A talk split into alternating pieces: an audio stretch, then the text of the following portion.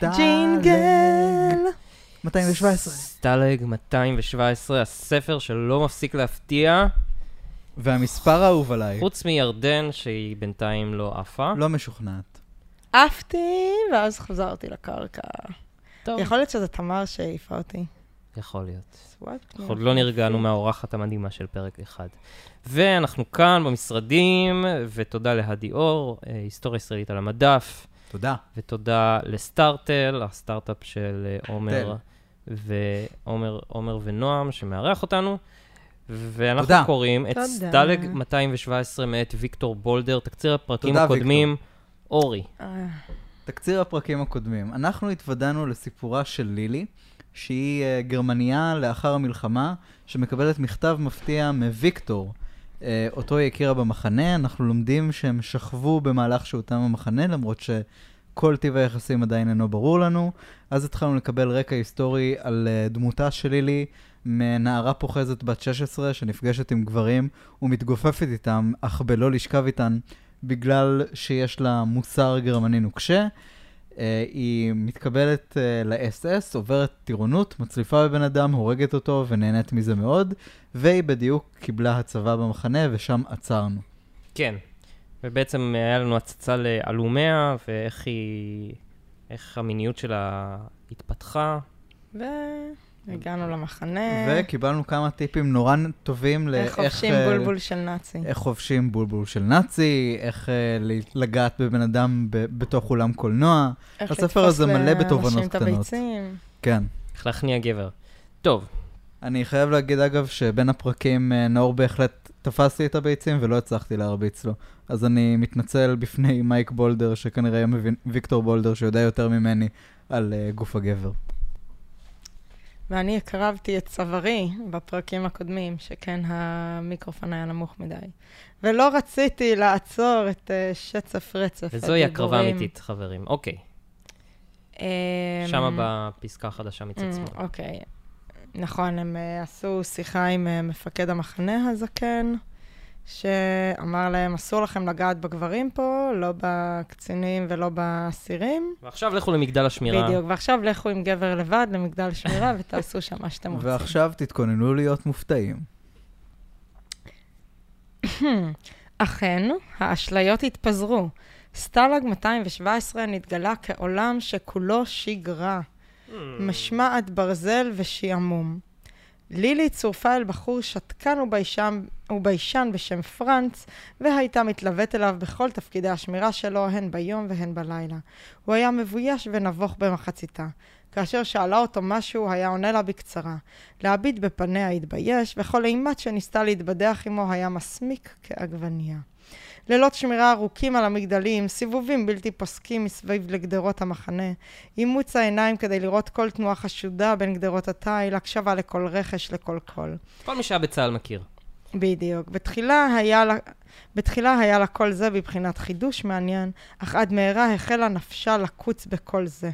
כששבוע ימים לאחר בואה למחנה, צורפה לילי אל הצוות הקטן שעסק בחלוקת אוכל לשבויים. פחד נורא תקף אותה כאשר נכנסה לראשונה אל בין גדרי התיל. הם היו שישה איש. לילי וחמישה גברים. הם נשאו את דודי הבשר והמרק על גבי כרוניות קטנות, והתייצבו במרכז המחנה. איש מהם לא החזיק נשק, אבל מסביבם התייצבו כ-20 חיילי אס-אס עם תת-מקלעים דרוכים. היא הרגישה הרגשה מוזרה ביותר. כאשר התייצבו השבויים בתור, בתור לפני הקרוניות, והחלו לעבור על פניהם עם כלי האוכל המלוכלכים בידיהם. תפקידה היה לצקת את המרק אל תוך כלי האוכל של השבויים העוברים לפניה. בתחילה לא העזה להביט בפניהם, וכעבור רגעים אחדים, כאשר נשאה לראשונה את מבטיה, נוכחה כי כולם נועצים במבטים. לא מבטי זעם ולא מבטי שנאה. היו אלה מבטי חמדה ותשוקה ראוותניים. תגלית זאת הפכה את השבויים ליותר אנושיים בעיניה, ומשהו מעין תחושת דגדוג מגרה החלה יוקדת בעורקיה ועולה לגרונה. אחד מהם קרץ אליה בעינו בלהט, בלט, והיא יכלה להתאפק רק בקושי מלחייך. אחדים מהם נעצו את עיניהם בשדיה המתבלטים מתחת למקטורן הצבאי. והיא הרגישה הנאה סתומה ומרטיטה, עד כי חששה לשפוך את המרק. אחד השבויים העז אפילו להשמיע שריקת הערכה ארוכה ברגע שהגיע אליה. היה זה בחור אנגלי, קטן ומקריח, שנראה כברנש עליז וחובב הלצות.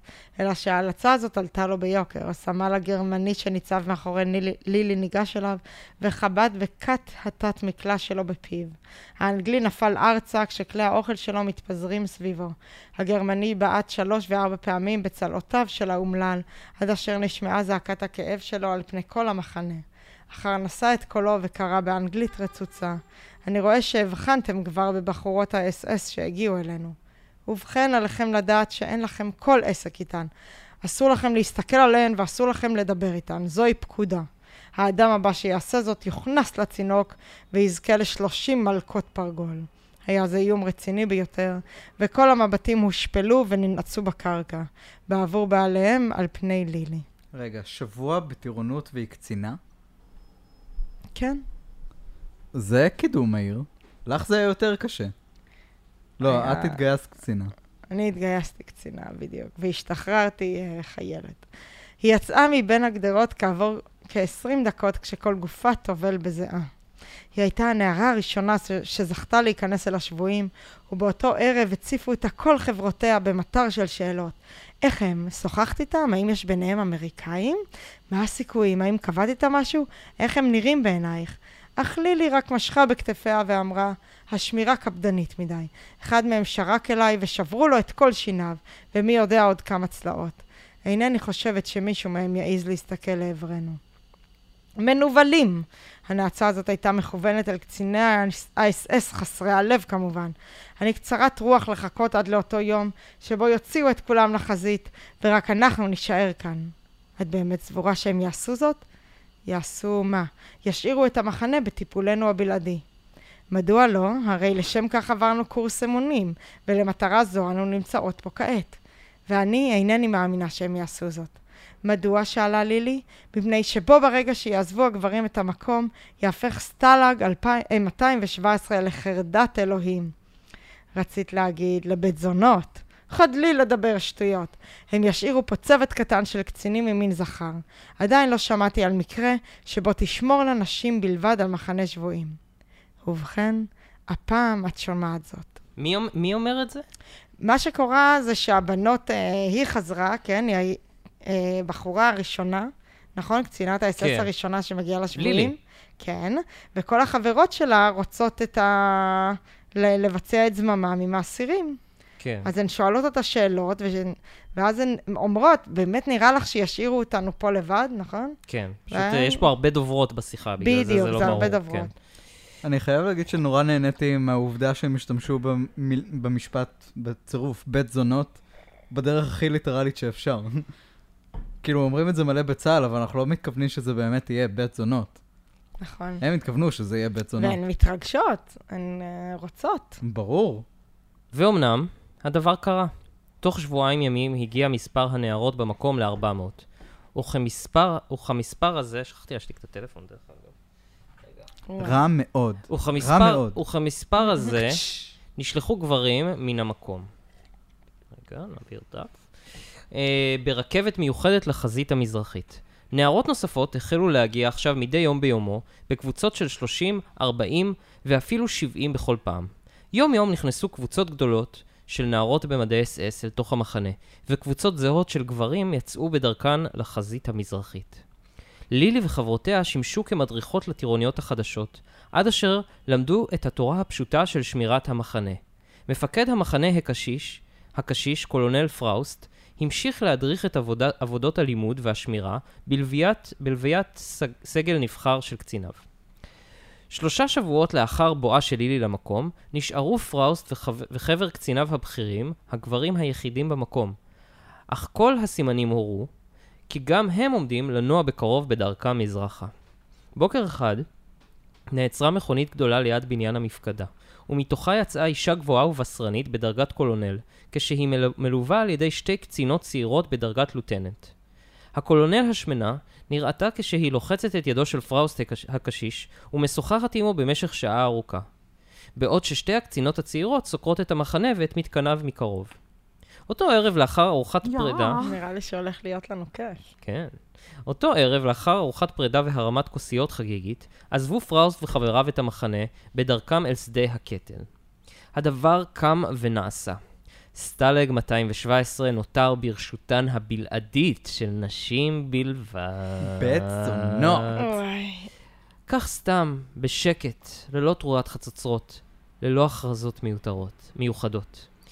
השינוי כמעט שלא הורגש, רגע אחד נמצא עדיין השלטון בידי הגברים, ומשנהו חלשו הנשים על המחנה כולו. אתם רואים? לא רק העולם יהיה יותר טוב אם נשים ינהיגו אותו, אפילו במחנות עבודה. אפשר ליהנות כן. אם נשים מנהיגות אותנו. הייתה שעת ערב מאוחרת כאשר אספה המפקדת החדשה את כל נערותיה בחז... בחזית משרדה. היו שם כ-700 נערות. היתר היו עסוקות במשמרות, וקולה הגבוה והצלול של הקצינה הבשרנית הדהד ברמה על פני כל המחנה. שמי שחט, אמרה בקול רם. קולונל הילדה שחט. שחץ? שחט. שחט. קולונל הילדה שחט. שחט. אני המפקדת החדשה של המחנה. שתי אלו, שתי אלו הן העוזרות שלי, לוטנט קלרה נימן ולוטנט ברטה קליין. שחט. שתי הקצינות קדו במבוכה קלה, אה, כשחקניות בפני קהל. רחש קל של קורת רוח עבר בקרב הנערות. ניכר היה כי חל שינוי יסודי במשטר המחנה. הן המתינו לשמוע את המשך דבריה של קולונל שחט, שחט. וציפו להיווכח כי הוסרו כל החוקים וההגבלות אשר סייעו, סיגו עד כה את תנועותיהן ומעשיהן. אך כאן נכונה להם אכזבה. קולונל פראוסט העביר, זה ציטוט עכשיו, קולונל פראוסט העביר לידי את הוראות הקבע של המחנה. הוא מנוי וגמור עמי לש... לשמור עליהן. היא ציפתה עד שהדבר, היא ציפתה עד שעבר רחש הרוגז בין הנערות, אחר המשיכה. ברור לי שיהיה עליכן להימצא כאן חודשים רבים, ואולי אפילו שנים ללא גברים. רבות מכן תחלנה לשאת את עיניהם אל הגברים, בעוד שבועות אחדים. אבל אני מזהירה אתכן, שמעשים אלה לא יסבלו. יחסיכן אל השבויים יצטמצמו במסגרת של יחסי שובות לשבויים. למותר הוא לומר שהעונשים שיוטלו יהיו קשים ביותר. מה, איזה מבאסת? ובאמת, כאילו במטרה להיראות, להראות את כל נחת זרועה, העניש הקולונל שחט קשות. את העבריינית אשר נתפסה ראשונה. הייתה זו נערה גבוהת קומה וצנומה בשם סוניה בלאוך, וכל חטאה הצטמצם בכך שניגשה אל גדר התיל לאחר שעות העבודה ושוחחה שיחה ידידותית עם אחד השבויים הצרפתים. הצרפתי נקשר אל אחד מעמודי השמירה וזכה לשלושים מלקות מגלב אדירות שקילפו את האור מעל גבו וכמעט והפריחו את הנשמה מקרבו. סוניה הועמדה למשפט צבאי מהיר שקולונל שחט בכבודה ובעצמה ישבה בו כשופטת. סוניה נשפטה ל-30 ימי מאסר, לשלילת משכורתה למשך ארבעה חודשים ולגילוח שיער ראשה כאות חרפה. מה? אכן, כן. העונשים על אי ציות לפקודה בעת מלחמה כבדים הם. אורי. מה, זה לא כיף. איפה הכיף? זהו. אה, יש כאלה שזה כיף להם. מה, מה, מי, למה, מה? למה אנחנו מכריזים על מלחמה נגד כל אומות העולם, אם הדבר היחיד שאנחנו מקבלים מזה זה גילוח? ראש ולא מלא סקס עם כל האסירים. כן. חכו, רגע. שמישהו יהרוג את הכלבה הזקנה. רגע, שנייה, אנחנו מגיעים למשהו מעניין. אוקיי. במשך שבועות רבים לאחר מכן הייתה סוניה מסתובבת במחנה עם ראש קרח, כשהיא מזכירה לכל הרואה אותה את ידה הקשה והאכזרית של מפקדת המחנה. המצב הינו בלתי נסבל, אמרה יום אחד אחת הנערות בצריפה של לילי. מה אוכל אותה לכל הרוחות? מדוע היא מקפידה כל כך כמו בתולה זקנה מהמאה הקודמת? אולי היא באמת בתולה זקנה? בתולה אולי, אבל לא זקנה, אמרה לילי בשקט. היא נראית לי כבת שלושים, לא יותר מזה. אז מה בכך? עובדה זאת תהיה בעזרנו, אמרה לילי. הנערות הביטו בה בפליאה. מה כוונתך? קולונל שחט. הנה אישה צעירה ובריאה, אמרה לילי. היא לא תוכל להחזיק מעמד במשך זמן רב בלי גברים. קשה להאמין בזה. חכו ותראו, היא לא תוכל לשבת בשקט למשך זמן רב כאשר מאות גברים בריאים ומלאי תשוקות נמצאים במרחק של כמה מטרים ממנה. כאשר היא תתרכך ותתחיל לפזול לעברם, יהיה זה ראשית הקץ. הרגע הזה בוא יבוא, אני מבטיחה לכן. הלוואי. המסכנות! הן לא ידעו כי הן תולות את תקוותיהן בהבל, מפני שקולונל שחט הייתה לסבית! וואי, וואי, אין, הלסביות האלה. אבל אני לא... זה- זה היה יכול סבבה, להיות- אז שתיתן להן ליהנות אה, אחת עם השנייה, לא מספיק טוב? ואיתה. מה זאת אומרת? זה נגד הטבע, ירדן, מה? רגעיו כן, אז היא. הייתה לסבית? זה הסוד הגדול? כן. זה, זה גם הכי בגלל קלישה. זה יש לה שתי קצינות אה, לוטנטיות שוות כאלה שהולכות איתה, אפשר רק להניח. לעשות לה קצת אה, ניי ניי ניי ניי. הקטע הוא שכאילו הם הביאו את הבוצ'ה להיות הלסבית, זה כאילו... זה, זה כמעט זה כל לא כך מוקדם. מתקדם. כן, אבל ממתי בוצ'ות הן בוצ'... כאילו, מתי התחיל הרעיון הזה של הלסבית הגברית? היא באה על משאית כאן. כן. לא משנה, נמשיך הלאה. רגעיו הגורליים של אדם באים עליו בהפתעה. לעולם אינך מוכן לקראתם, ולעיתים קרובות אינך מבין את מהות המאורעות המתרחשים והמכתיבים לך את כל עתידך. כזה היה המצב למעשה כאשר ירדה לילי באותו הבוקר מן המשמרת האחרונה שלה על מגדל השמירה, והייתה עושה את דרכה לעבר חדר האוכל כשהתת מקלט תלוי על שכמה. היא ראתה את הנערות יוצאות מחדר האוכל וזורמות לעבר מגרש המסדרים, אשר בחזית צריף המפקדה. היא לא הייתה צריכה לשאול מאומה, היא פשוט שינתה את כיוון צעדיה ונפנתה לעבר מגרש המסדרים. פני הנערות היו משולהבים ולא קשה לנחש כי משהו גורלי עומד ומרחף בחלל האוויר. רק משהו רציני ביותר עלול היה להצדיק את תוצאתן של מאות חיילות באמצע ארוחה והכרזה על מסדר מחוץ למניין. הן הסתד... הסתדרו בשלשות על מגרש המסדרים, והקולונל הופיע בפניהן כעבור רגעים מספר. פניה המשולבים, שערה הפרוע וחזותה הרוטטת העידו כמאה עדים על ההתרגשות הרבה שאחזה בה. מיד ניכר היה כי קרה משהו בלתי רגיל, ולילי שאלה את עצמה בבהלה מסוימת אם לא נתגלה שמישהו נמלט בשעת המשמרת שלה. שמישהו... טוב, טוב, כתיב. אה, אולם דבריה הראשונים של המפקדת הוציאו כל ספק מליבה. בחורות, אמרה קצרות וישר לעניין. זה עתה קיבלתי מברק בהול מן המפקדה, מטוס בריטי עומד לנחות בשדה שליד הסטלאג. כוורות דבורים, כוורת דבורים ניעורה לחיים בקרב הנערות. זמזום גובר והולך להתפשט בכל מגרש המסדרים, וההתרגשות הבאה בעקבות הידיעה ערערה את השורה והפיחה אימה סתומה בלבבות. אינני יכולה לספק לכם פרטים נוספים מאחר שגם לי לא ידוע הרבה. מחלקת המודיעין של החטיבה קיבלה ידיעה כי הבריטים ינחיתו מטוס צבאי תוך שעות מספר בשדה שליד הסטלג. כוונ... כוונתם כפי הנראה לשחרר כמה שבויי מחתרת חשובים הדרושים, הדרושים להם למטרות אינפורמציה.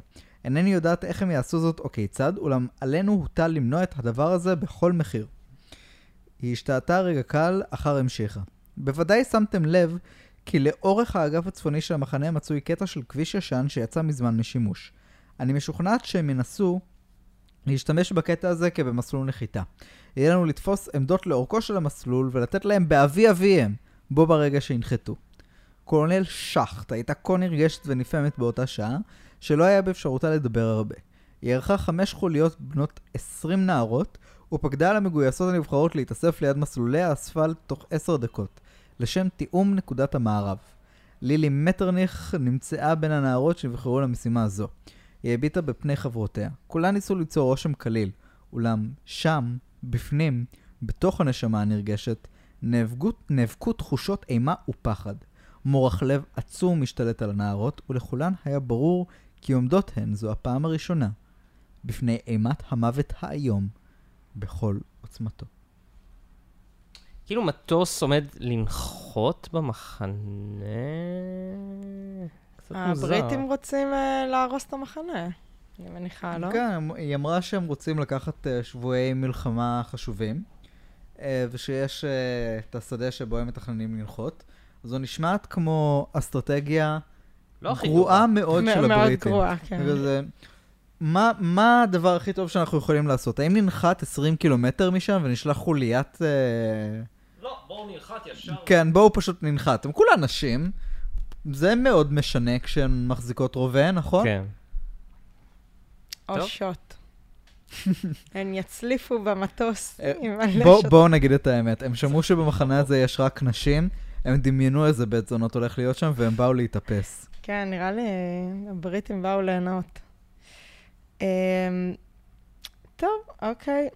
פרק 4, חזרנו לפרנקפורט, 1953. השלט הגדול התנוסס מעל לרציף בית הנתיבות, והוא הספיק לקלטו שעה שהרכבת החליקה תוך עריקת בלמים ונעצרה בחבטה קלה. הוא נשאר יושב במקומו עוד רגעים אחדים, ועקב במבטים בוהים אחר אחרוני הנוסעים בעזבם את המקום. לבסוף קם אף הוא, יצא מן הרכבת ועמד על הרציף מהסס. כנראה זה ויק מגיע. הוא היה זר במקום, והעיר הזרה והעוינת האופפת אותו הטילה עליו אימה מסוימת. לא משום שהיה פחדן. הוא עמד כבר בפני סכנות רבות וגדולות, ורק לעתים רחוקות ידע פחד של ממש מהו. אך הפעם הייתה זאת אימה מסוג אחר. לא אימה מפני דבר חיצוני, מפני כוח העלול לפגוע בו מבחוץ, כי אם האימה מפני עצמו. הוא לא ידע מה עליו לעשות. כוח פנימי, שאינו ניתן לריסון, אילץ אותו לזנוח את עבודתו ואת התחייבויותיו, להשאיר מאחוריו את חייו הפרטיים בלונדון ולנסוע לכאן. היה זה כוח שאין לעמוד בפניו. אותו כוח אשר כפה על הנביאים הקדמונים את יצר הנבואה. אותו כוח המאלץ אנשים מסוימים לבצע מעשים שאינם אחראים באדם, על מנת לקבל תואר כבוד של פסיכופטים. לא, הוא לא היה מסוגל להישאר בלונדון, למרות שחלפו שנים כה רבות מאז המלחמה. המלחמה, הוא יצא מתחנת הרכבת והביט סביבו. הגרמנים הארורים האלה, הם לא נתנו לסימני המלחמה להישאר במשך זמן רב. תחנת הרכבת של פרנקפורט וכל הרבעים הקרובים אליה הופצצו קשה מן האוויר ונהרסו כמעט עד היסוד. והנה, עכשיו, שוב עומדת העיר על תילה כאילו לא קרה שום דבר. הוא חיפש סביבו תל הריסות כלשהו, רמז קל שבקלים שבמקום זה נהרסו אי פעם בתים. אך לא, הם מחקו כליל את זכר המלחמה. המלחמה. משהו נצבט בליבו שעה שהגה את המילה הזאת. פעם היה מסוגל לחשוב על המלחמה במונחים של הרפתקאות ומתח.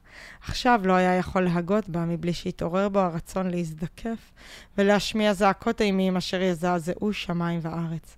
מפני שהוא זכה לא! להכיר את המלחמה דרך פתחה האחורי. לא! הצד ההרפתקני האבירי של המלחמה, החזיתות, קרבות הפאר, הניצחונות, אלה תיארו בעיתונות וזכו להתפרסם בין מיליונים תוך פרק זמן קצר. אך המלחמה, כפי שהוא הכיר אותה, מלחמה של מחנות שבויים, סדיזם מזעזע, התעללות בלתי מרוסנת של אדם באדם, התפרצות יצרים תהומית. את המלחמה בצורתה זו לא ידעו ההמונים. אך הוא ידע אותה, את המלחמה הזאת. באחד הימים הרהר, כאשר אתפנה מעסקיי ואהיה רגוע יותר, אכתוב ספר ואתאר בו את העולם הזה. הספר ייקרא סטלג 217, ולא יהיה צורך בכותרת משנה כדי להביע בתמציתיות את תוכנו של הספר. הספר ייקרא, הנה בא הקברן המתוק. טוב. לגביו די היה במילים סטלג 217 כדי שיעבור רטט קרחוני בבשרו. תכלס. לגבי אנשים אחרים לא אמר, השם, לא אמר השם הזה דבר. מנוי וגמור היה איתו, כי בבוא היום ידעו כולם את השם הזה ואת כל מה שהיה קשור בו. אנחנו בעצם מבצעים את השליחות של, של ויקטור. נכון. תשמעו, התייחסתי לזה בפרק הראשון, ויש משהו מעניין שקורה כאן מאחורי הדבר. כאילו, כמו שאתם גם ציינתם, הספר מתחיל מזה שהוא מתאר את עולמה הפנימי של הבחורה הזאת, שלפי מה שמסופר לנו כאן היא אנסה אותו, אבל בדיוק כמו בשולץ, יש לנו שאלה של איפה הגיבור בדיוק נכנס לתוך זה. האם הוא מצייר את המציאות כפי שהיא, או שהוא מצייר אותה כאילו הוא הקורבן, בעוד שלא בוודאות הוא הקורבן, כי אנחנו מסתמכים כאן על המילה שלו, והוא מצייר כאן נרטיב נורא נורא... מוטה? מוטה, כן. זה מה שהיה לי להגיד. תודה. זה היה מרתק. תודה על זה. מונית חנתה בחזית התחנה ונהגה היה מתבונן בו בציפייה. הוא חצה את המדרכה, פתח את הדלת ונכנס פנימה. לאן אדוני? שאל הנהג. הוא היסס לרגע. האם ייסע ישר לשם? למזלו שלט היטב בגרמנית, שכן לפני המלחמה עבד שנים אחדות תחת הנהלתו של רואה חשבון גרמני, ובעל כורחו נאלץ ללמוד את השפה. אני מחפש אדם מסוים, אמר בקצרה. פרנקפורט היא עיר גדולה, אדוני, אמר הנהג, והתבונן בו בהשתאות בהבחינו בצליל הזר שבקולו. אחר הוסיף באדיבות רבה, אתה תייר? אני מחפש נערה בשם לילי מטרניך, אמר. הנהג משך בכתפיו. אינני מכיר אותה, אדוני. הוא הוציא פיסת נייר מכיסו ומסרה לנהג. האם הכתובת אומרת לך משהו? שאל, הנהג עיין בפתק. רחוב פרנץ יוזף 143, אמר. זה בקצה השני של העיר, אדוני. האם עליי להסיע אותך לשם? כן, אמר, והוסיף לאחר ערעור, mm, לא. הובל אותי לבית קפה קרוב לכתובת הזאת. כרצונך, אדוני, הנהג התניע את המכונית והזניקה לדרכה. אני צריך להרהר תחילה, הוסיף, ספק לעצמו, ספק לנהג, משל כאילו חייו היה הסבר.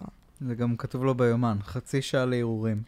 גם, אה, אבל הנה, סוף סוף הגענו לגוף ראשון. עד עכשיו הוא סיפר את זה כמתבונן מבחוץ. מהמם. איפה אנחנו? אה, פה, אה. היה רווח בפסקאות. אוקיי. היה זה בית קפה צנוע, קטן וצנוע. כמעט חבוי מן העין. בתחתיתו של בית משרדים ענקי. רק שלושה אנשים נמצאו במקום שעה שנכנס פנימה. בעל המקום, אדם קשיש בעל שפם ענקי ושני אורחים מנומנמים, שישבו איש איש במקומו בשני קצוות האולם הקטן. בעל המקום נעץ בו מבט מלא ציפייה ברגע שנכנס. אין זאת, כי מראה פניו ענה בו מיד כי איננו מבני המקום, וחזקה עליהם, על הגרמנים הללו, שידעו איך לנצל כהלכה כל תייר. במה אוכל לשרת אותך, אדוני שאל, בגשתו אל האורח, מסלסל בשפמו המפואר. אני מעוניין בארוחה קלה, אמר. כמובן. ובאינפורמציה. הא? מישהו כאן מכיר היטב את תושבי הבית מספר 143. לשם מה? הביט בו האיש בחשדנות מסויגת. אני מעוניין לשוחח על אחת מדיירות הבית הזה. האם אתה בלש? אני מוכן לשלב, לשלם בכסף מלא תמורת האינפורמציה, אמר בקצרה ובזעף. הפנים המסופמים אורו. אה, זה כבר מקרה אחר. אני אוכל לתת לך אינפורמציה, אדוני. אני מתגורר בבית מספר 143. יפה. איזה הבה לי- צירוף מקרים. כן. אה, רגע, יש לך כסף? אני גר שם. בטח שאני גר שם, מה? זה הכל. אני בניתי את? הבניין הזה. יפה. כן, הבה מכיר לי את ארוחה נאה, ונשב לשוחח קצת. אם תספק את רצוני, תקבל בעין יפה. הארוחה הייתה טעימה למדי, אם כי החביתה הייתה משומנת יתר על המידה. ארוחה נאה והוא קיבל חביתה. אה, והריר נטף את יודעת מפיו. מה זה חביתה אחרי המלחמה? טוב, נכון. הגרמנים לא- גם לא ידועים באוכל שלהם. כן. והריר נטף מפיו. מה אתה מבקש לדעת, אדוני? שאל בעל המקום, שהתיישב מולו והיה מתבונן בו בעיניים תימהוניות. לילי מטרניך. לילי שלנו? השתומם בעל המקום. מה, מה בקשר אליה? אני מעוניין לשמוע אודותיה. לשמוע מה? הכל. ספר לי על חייה, ספר לי הכל, הכל. האם היא יפה עדיין כ- כמו שהייתה? אה, אני מבין, אמר בעל המקום. אתה מכר שלה. פחות או יותר. אה, ואני חשבתי שאתה בלש, צחק האיש, עם שהוא מסלסל בשפמו המהודר. כן, היא יפה, הנערה היפה ביותר שהסתובבה אי פעם ברחוב המטונף הזה. היא עומדת להינשא. להינשא? למי?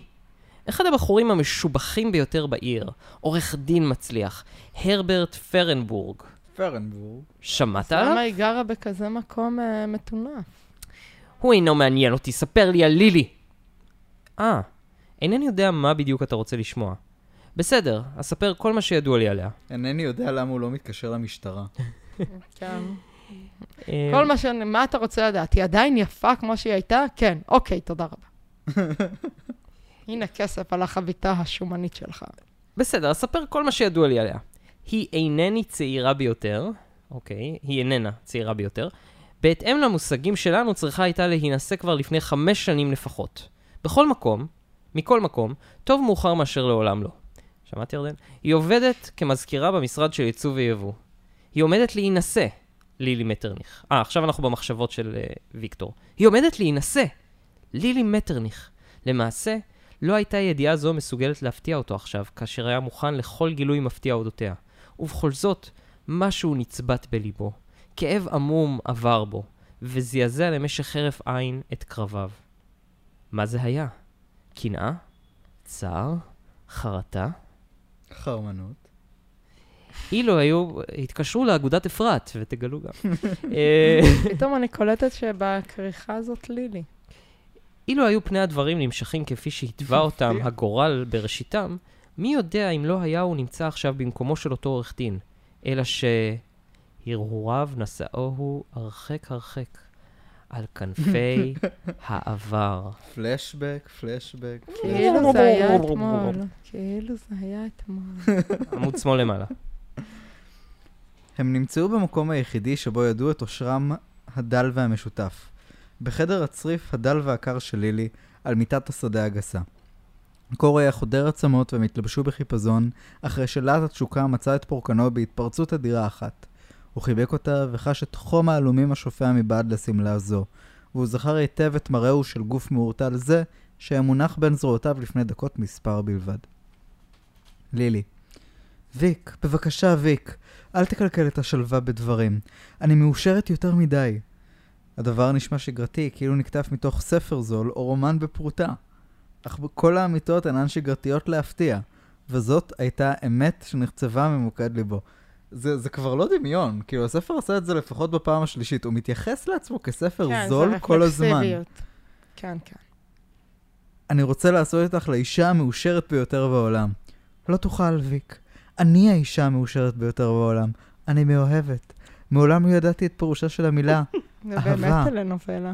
שמעתי עליה, קראתי עליה, אבל מעולם לא האמנתי שגם אני מסוגלת לאהוב. היו אומרים עליי שאני קרה כמו קרח. עכשיו, כאשר זה קרה, אני האישה המאושרת בעולם. או, אני אוי, מעוניין לשאתך לאישה, מאושרת. לילי. תשמעו, it's a fairy tale. כן. כן. מה מה הוא אומר לה? אני מעוניין לשאתך לאישה, לילי. והוא אסיר והיא הסוהרת, כן? כן, זה כמו uh, סוער הלילה. ראיתם את סוער הלילה? אחלה סרט. לא, לא. דיברנו על זה באיזה פרק. כן. שתיקה ארוכה ואחר. אתה אומר את זה ברצינות, ויק? מדוע? האם אני נשמע כמתלוצץ? לא משום כך. האם אינך מבין שזה בלתי אפשרי? בגלל המלחמה? כן. אה, המלחמה תסתיים פעם, אמר. והיכן נמצא אנו בשעה שהיא תסתיים? שאלה. הוא כרך את ידו מסביב למותניה ולחצה אליו. אני רוצה לשאת אותך לאישה, לילי. ויקטור, יקירי, אני מעוניינת להיות אשתך, אבל... אבל מה? זה כל כך בלתי ממשי. מה את מציעה, לילי? נחכה. עד מתי? עד אחרי המלחמה. אם שנינו נישאר בחיים עד אז, ואם אתה תוסיף לרצות בי ואני אוסיף לרצות בך, כי אז לא יהיה שום כוח בעולם שיוכל לעמוד בדרכנו. ובינתיים, לילי, ובינתיים, לחשה בקולה המפתה, בינתיים כל המלחמה לפנינו. בינתיים אתה כאן, ויק. חבק אותי. וואו, זו השורה הכי רעה בעולם, זה כאילו... למה? זה יפה. זה עובד, פתאום עובד. הם אה, הם- לא הם לא רוצים שהמלחמה כאילו- תסתיים. היא גם כולה מודעת לזה שיכול להיות שבסוף המלחמה היא לא תרצה אותו. נכון. היא אומרת, אם עדיין אתה תרצה אותי, ואני בכך שוק. הוא חיבק אותה, והפרכוס הקל שחלף בגופה העיד כי התשוקה אליו, אותה תשוקה היולית אשר פיעמה בקרבה כל... תשוקה מה? היולית, זה החומר היסודי הראשוני. מה? את ידעת את זה? כמובן, כמובן, היא בתור יולית. ת- בתור תלמיד פילוסופיה לשעבר, אנחנו מוכרחים לדעת. כאילו, תמיד היו יוונים שחשבו שאש היא הבסיס של הכל, או המים זה הבסיס של הכל, או האוויר, וזה נקרא חומר היולי. חומר שממנו מורכבים כל הדברים האחרים. וואו. כאן זה שימוש אה, טיפה לא מדויק, אבל אה, אבל מרשים. מרשים. אוקיי. אה, אותה תשוקה היולית אשר פיעמה בקרבה כלבת אש המשתוללת עדיין בליבו של כדור זה? הארץ. ה' י' ו' ל' י' ת'. Can you use it in a sentence? תסתמי את הפה היהודי שלך. יאללה. תשוקה היולית אשר פיעמה בקרבה, בקרבה כלבת אש משתוללת עדיין בליבו של כדור הארץ, חזרה, חזרה והתעוררה בקרבה ובלי עוד שאלות. היא פשטה לצבלתה בתנועות קצובות ואיטיות, ונשארה לשכב בזרועותיו, רוטטת בקור אך יוקדת בתשוקתה. הוא השתומם לראות באיזו מהירות מתחש... מתחדשת רוח התשוקה בליבה של נערה זו. הוא עצמו לא היה מוכן עדיין. מדולדל עדיין. היה עדיין מן ההתפרקות האחרונה, והרצון לעצום עיניו ולרדם טרד את עפעפיו כמשקולות עופרת. אך היא לא נתנה לו מנוח, והוא, הוא לא רצה לאכזב אותה. ליטף בידיו את גופה העירום, והיא לפתה את כפות ידיו ולחצה אותן בחוזקה אל שדיה. למרות הקור המחלחל היה בשרה חם ושופע נעימות. הוא הרגיש בריטוט המעודן החולף בגופו, ותנועותיו הגבירו לאט לאט את קצבן. כעבור דקות אחרות, אחדות, החל אף הוא מתפשט. טם טם טם. היה קרא מאוד יפה, אורי. תודה. כן, תן. לנו עוד טיפה. קח עוד קצת, חשבון הבית. אוקיי. אבל המחזרים הרבים נעלמו. בו ברגע שהיא החליטה להתארס עם פרנבורג, אמר בעל בית הקפה. אני לכשעצמי סבור שהיא עשתה מעשה נבון. פרנבורג זהו אדם עמיד. יש לו חוג לקוחות גדול ועשיר. אומרים כי השמפניה נשפכת בנשפים שלו כמו מים. מים. שולץ. מים. התעלה, מדוע חייב הייתי להיזכר בהם? לך לעזאזל, אשמי זקן שכמותך, מי ייתן ותחנק בש... בשפם שלך. מעולה. איך זה קורה? זה כזה... הוא בשפם אוי, המסתלסל. לא, השפם שלי גדל וגדל. כאילו, אתה יודע, ביום לפני הוא הוא אוכל מנת מרגיש... פסטה, ואז... ואז השפה משתרבב לשם, כן. ואז כזה... אני רוצה לדמיין שכאילו השפם שלו גדל וגדל, ויום לפני הוא הבין שכנראה יום הבא יהיה היום האחרון שלו. אבל הוא לא מוכן להתגלח. גבר אמיתי צריך שפם גדול ומלא. אמ, היינו ב"הלוואי שתיחנק מהשפם כן, שלך". מי ייתן ותחנק בשפם שלך? מדוע חייב היית להזכיר את המילה מים? המים, המים הזכירו לו את התעלה. כן, זה טראומות, למה זה? מצחיק אתכם? ויקטור, אולי תלך עם חולצה עם כל המילים שאסור לנו להגיד לידך. כן, כאילו מים? מים זה מה מה טריגר עוד אסור רציני. להגיד? אוויר? כי זה מזכיר לך שהיה במחנה אוויר? בוא פשוט נפסול את כל החומרים ההיוליים אחד-אחד. פאם. הקסם פג. ללילי הייתה כפי הנראה משיכה מיוחדת למים. בואנה זה פרק זהב. נו, נו, נשמע. התעלה. אתה מקשיב לי, אדוני? את שדה בצורת אישה, לילי. הפנים היו נפוחים ממכות וכחולים מחנק. עין אחת יצאה לגמרי מכורה בגלל דקירת סכין שכוונה יותר מדי טוב. התעלה. אני שונא אותך! או אני שונא אותך? האם אתה שומע את דבריי, אדוני? שאל בעל בית הקפה. כן, כן. כפי שאמרתי לך, יש לו לפרנבורג משרד גדול במרכז העיר. רק פעם אחת ביקרתי שם כדי לעבור עמו על חוזה השכירות החדש, ואני אומר לך, עיניי נפקחו לרווחה. לילי, מדוע עשית זאת? הוא הקיא. הולך הצידה והקיא את בני מאב ארצה, לא יכול היה לשלוט בעצמו. מחריד! זוועה! האיש איבד כליל כל צלם אנוש, מה שמסוגלים אנשים לעשות לזולתם. כל חטאו היה שנמלט מן המחנה, ביקש לפרוס כנפיים, להמריא אל החופש כציפור דרור, והן קוראות לעצמן נשים, המין החלש, המין העדין, צאצאות אפרודיטה. למה עשית זאת, לילי? אל תחקור אותי, ויק, אין לך זכות להתערב בעניינים אלה. הזהרתי אותך, לילי. תבטחת לי שלא תעשי זאת שנית. האם אינך בן אדם? האם הוא לא היה בן אדם? הוא ברח מן המחנה. האם זוהי סיבה מספקת כדי, מספקת כדי לעשות לו את מה שעשית? קיבלתי פקודה, לעזאזל הפקודות האלה. את קיבלת פקודה לתפוס אותו, לא להרוג אותו. הוא ניסה להתנגד. האם משום כך חקרת לו עין? ויק? וסירסת אותו? זה לא נכון, צרחה לילי. oh my god. אני ראיתי את הגופה, בדיוק כמוך. אבל אני לא הכיתי. אבל מה? אבל אני אבל לא אני לא. הכיתי. אאוץ'. מפני שאינך בן אדם, את חיה, את שדה, את רוצחת, נאצית שפלה שכמוך. חצוף, עוד מעביר עליה ביקורת. אחרי שהוא העז להקיא. כן. אני אוהבת אותך, ויק. את שברת לבחור הזה את אצבעות הידיים והרגליים, לילי. איזה דיאלוג כן, מוזר. מה קורה פה? אני אוהב את זה, כל- כל ה section הזה הוא זרם התודעה, כן, הדברים הכי גרועים צופים עוברים קדימה ואחורה בזמן. אני מת על זה, זה באמת החלק הכי טוב עד עכשיו בכל הספר. חוץ מכמובן, כאילו, ה... ההוא שנחנק ההוא מהשפם שנחנק שלו. מהשפם, כן, זה priceless. שברת לבחור הזה את אצבעות הידיים והרגליים, לילי. אני אוהבת אותך, ויק. אילו רק ידעת להעביר, אילו רק ידעת להעביר חלק מהאהבה הבוערת הזאת על יתר בני האדם, נאצית שפלה. ויק, אל תדבר אליי כך. מדוע לא? האם עליי, האם, האם עליי להיות עדין אלייך? האם אמשיך לאהוב אותך ואנסה לך אך ורק כדי שלילה אחד תקשרי אותי בידיי ורגליי למיטה ותעני אותי עד מוות רק משום שמלמלתי מתוך שינה שמה של נערה אחרת? לעולם לא! היסטריה השתמעה בקולה. פחד היום נשקף מעיניה נוכח החשש כי תאבד עכשיו את כל עולמה. האמנתי לך, לילי. האמנתי בך. עד לפני שעה קלה, עד אשר שמענו את זעקותיו של האומלל, עשיתי לו חסד... ב... את זעקותיו של האומלל. עשית לו חסד בשעה שהטבעת אותו בתעלה. אפילו השטן בגיהנום לא היה מסוגל להמציא עינויים מחרידים יותר. ויק, הרגע, הקשב לי. אנא, ויק.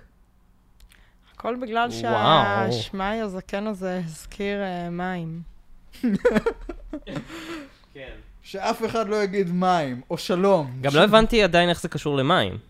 התעלה, היא. הטביעה אה, אותו. בתעלה. היא גם הטביעה אותו? לא רק סירסה אותו, עקרה לו עין, אה, שברה לו את האצבעות. וזה, היא גם הטביעה אותו במים? כן. זה ככה היא גאלה אותו מהאיסורים בסוף. היא הטביעה אותו במים. מזל שוויקה קי, אחרת היא לא הייתה מבינה שהיא עושה משהו לא בסדר. אני מקווה שהם לא שותים מהתעלה הזאת, כי יש פה והם מחדל קוראים סניטרי. לכן המין החלש. זה אכן היה אחד מהדיאלוגים המצחיקים יותר. תתמכי, כן, כן, נשאר תתמכי, לנו. רק אה, שני עמודים, ואז נגמר הפרק. האם אתה מקשיב לי, אדוני? לא, לעולם לא. מדוע עשית זאת? אנחנו כזה, כן, חצי שיחה עם ה... הבן אדם עם? הזקן, שפם, וחצי... ב- בפלשבקים. אבקש את סליחתך, בעל בית הקפה נעץ בו מבטים נדהמים, ונרתע לאחוריו בראותו את ההבעה הפרועה הנשקפת מעיניו של איש שיחו. אדוני, האם אתה מרגיש ברע? אה? הוטב לך, אדוני? אולי אתה רוצה כוס קפה חריף? לא, תודה, אני... הוא קפץ מכיסאו, הטיל שטר כסף על השולחן ונמלט מן המקום לרחוב. בעל בית הקפה נטל את השטר והתבונן בו בתדהמה. עודף, אדוני, היי, חזור הנה לקבל את העודף. אך האיש יצא לרחוב והתרחק במהירות לאורכו, עד אשר נעלם מן העין. אחד משני הלקוחות הבודדים ניגש אל בעל בית הקפה והביט בו בחיוך קל. איש מוזר, אה? שמעתי את כל השיחה ביניכם. הוא אינו נראה לי כשפוי בדעתו. לא, הוא איננו שפוי בדעתו, בכך אני משוכנע. האם ראית את פניו? לא, מה בקשר אליהם? צמרמורת עברה בגופי כאשר ראיתי אותן מקרוב, אמר האיש, כשהוא שוכח אפילו לסלסל את שפמו.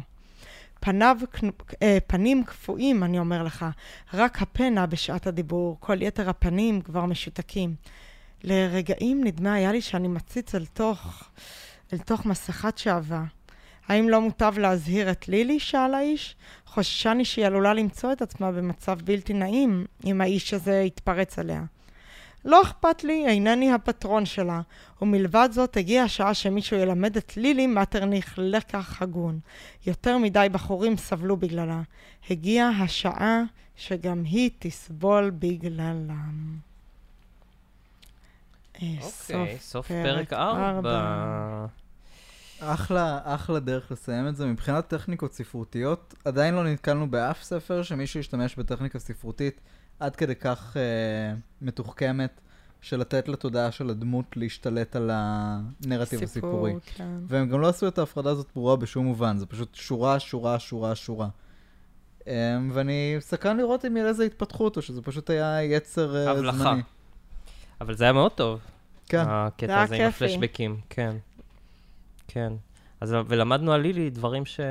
כן, קיבלנו הצצה למה היא שום דבר שלא מסוגלת. ידענו קודם. כן. היא... אולי ויק לא ידע קודם. כן. אנחנו רואים מה קורה כשליטוף דגדגני הולך טיפה רחוק מדי. וגם קיבלנו דיאלוג אה, מאוד כיפי. כן. זה היה נורא נחמד. כן, כן, כן. אני אוהבת אותך, למה סירסת אותו?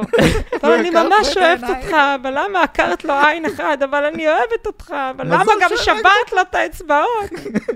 אה, זה, זה אפילו מתקרב לפרידה הכי גרועה שאני חוויתי, אז הכל טוב. אמ, בכל כולנו אופן. פה ביחד. כן. אה, טוב, זה היה מאוד מעניין. אה, אנחנו דבר אחד אוהבים ברור, אתכם. אנחנו, לא, אנחנו מאוד אוהבים אתכם, כן. וזה לא שולץ, אבל זה... זה לא שולץ. נחמד בדרכו. את, אתם יודעים מה אני שואל את עצמי? אם יום אחד נמצא את הסטלג שגם אשכרה מדבר על יהודים, אין להם אומץ פחות כנראה. היה גם, ב- היהודים נשלחו למחנות אחרים. כן. טוב, נדבר על זה בהזדמנות אחרת. ביי בינתיים. ביי.